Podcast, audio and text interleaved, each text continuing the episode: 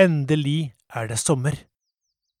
Det er blå himmel og varmt og behagelig ute på engene. Persefone, den vakre gudedatteren, plukker blomster sammen med venninnene sine.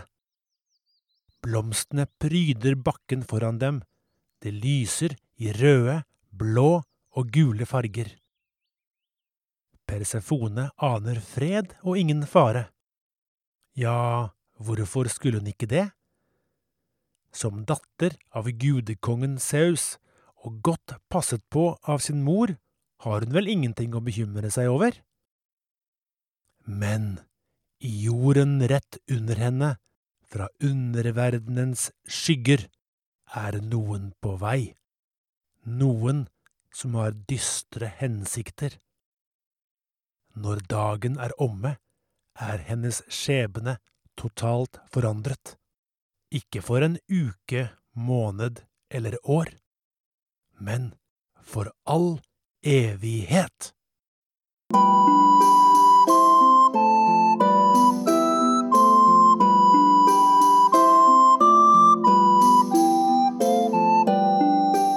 Velkommen til Helter og legender fra antikken, en podkast for unge. Episode 15 Persefones bortførelse til underverdenen. Gresk mytologi har mengder av fascinerende historier. I en tidligere episode hørte vi om hvordan en yngre generasjon av guder, ledet av Zeus, gikk seierrik ut av den voldsomme kampen mot titanene. Vi hørte at alt lå til rette for at de yngre, de olympiske gudene som de ofte blir kalt, kunne herske over både gudene og menneskenes verden. Likevel, verden var stor, og tre av de mektigste gudene, brødrene Zeus, Poseidon og Hades, bestemte seg for å trekke lodd om hvilken del av verden de skulle ha herredømme over. Vi husker at Seus fikk himmelen, Poseidon havet, og at Hades, muligens den uheldigste av de tre, fikk underverdenen. I denne episoden skal vi høre hvordan tilværelsen var i underverdenen, eller dødsriket, som det også kalles. Vi skal også finne ut hva slags type Hades var, og hvordan han på sleipt vis greide å skaffe seg en pen og attraktiv kone. Ifølge gresk mytologi var underverdenen det stedet hvor menneskenes sjeler oppholdt seg etter døden. Når dødsøyeblikket inntraff, om det var på grunn av sykdom, krig eller av andre årsaker, ville sjelen straks forlate den livrøse kroppen og begi seg i vei. Sjelen ville anta skikkelsen til den tidligere personen, men være usynlig for levende mennesker. Grekerne tenkte seg at underverdenen var dypt nede under jordens overflate. Det var ikke mulig for vanlige mennesker å se den, eller å reise dit og det var nok vanlige mennesker ganske glad for. Det var ingen grunn til å reise dit før du absolutt måtte. Ved inngangen til dødsriket bodde sorg, engstelse, sykdom og alderdom, men også frykt, sult, pine og andre ting du gjerne vil unngå. Det er vanskelig å forestille seg hvordan stemningen var på et slikt sted, men det må ha vært depressivt, angstfylt og veldig, veldig dystert. Men du var ikke helt fremme ennå. For å komme helt fram måtte du, det vil si ikke du, men sjelen din, krysse elva Styx. Styx utgjorde grensen til underverdenen, og for å komme over elva måtte du bli fraktet med båt av ferjemannen Karon, helt til begravelsen din var ordentlig utført.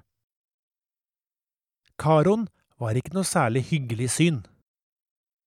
Han blir ofte framstilt som en uflidd og røff type med en lang påle i hånda, som han brukte for å dytte båten fram i vannet med.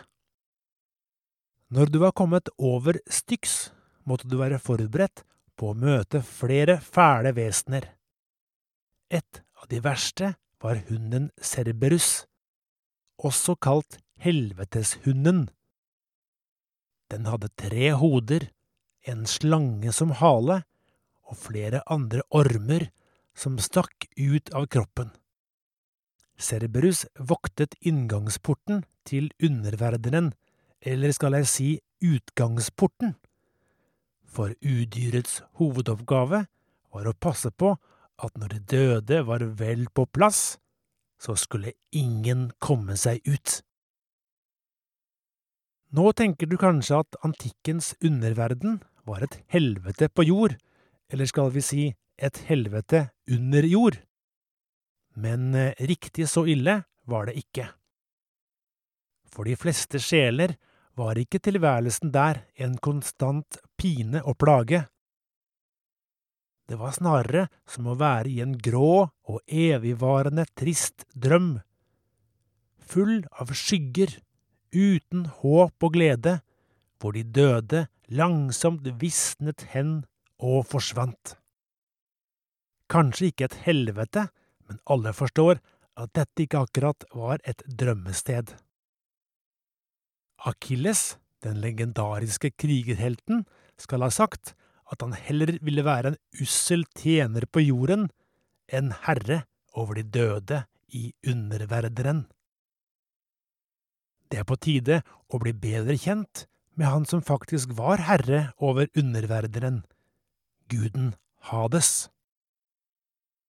Hades var en mørk, streng og fryktinngytende figur, særlig for de som fortsatt levde. Han lot seg sjelden blidgjøre med offergaver, så det var liten vits i å prøve en gang. Han var også streng mot de døde, som ble nektet å forlate underverdenen. Hades kunne bli veldig sint om noen forsøkte å stikke av, eller om noen forsøkte å stjele sjeler. Det var han, og bare han, som hadde retten til å herske over de døde.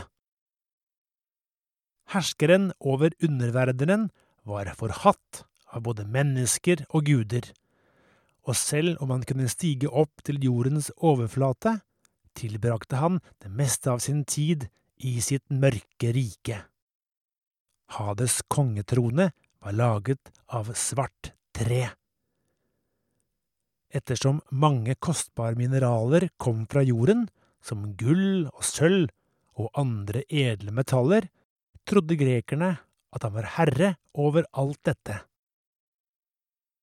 Men selv om han var hersker i sitt eget rike, med talløse døde undersåtter og med kontroll over jordens mineraler, var ikke alt bra. Akkurat som andre mannlige guder ønsket Hader seg kvinnelig selskap. Og mer enn det, han ønsket seg en kone som kunne bli hans dronning og herske ved hans side. Hades var en sjelden gang oppe på landjorda, og det må ha vært under ett av disse besøkene at han fikk øye på en kvinne som rett og slett tok pusten fra ham. Dette var Persefone. Persefone var datter av gudekongen Zeus og Demeter, som var gudinnen for gode avlinger og innhøsting. Hun overvåket at kornet vokste og at jorda som ble dyrket, var fruktbar og rik. Det var bra om Demeter var fornøyd, for da kunne man ha håp om å høste mye korn, noe som ville gi rikelig med mat for menneskene. Datteren Persefone var nok temmelig ung da Hades ble forelsket i henne, og vi må regne med at hun var både attraktiv og pen, for flere guder ville gjerne bli kjæreste med henne. Men mamma Demeter var ikke med på den slags, og hun skjulte datteren sin for å unngå mannlige tilnærmelser. Også Hades gjorde et framstøt for å få Persefone som kjæreste, men Demeter nektet å sende henne ned til underverdenen, noe som kanskje ikke var så rart. Men så greier Hades å overbevise sin bror Seus om at han skal få fatt i henne likevel. De to legger en snedig plan for å få det til. Dette er legenden om bortførelsen av Persefone. Det er sommer, og Demeter og Persefone har tatt turen ned til landjorden. Demeter vil gjerne sjekke om korn og andre vekster spirer og gror slik hun ønsker, så hun forlater datteren sin ute på engene sammen med en gruppe nymfer. Jentene nyter det varme været og vandrer rundt i engene for å beundre de mange vakre blomstene som vokser der. Persefone får øye på noen spesielt vakre blomster som vokser i en liten dal litt unna. De er så blendende vakre at hun simpelthen må bort for å se nærmere på dem. Hun tenker ikke over at hun fjerner seg fra de andre. Hun vet ikke at blomstene er plantet der med en hensikt, nettopp for at hun skal bli alene. En blomst er særskilt flott å se på, og hun trekker den opp fra bakken.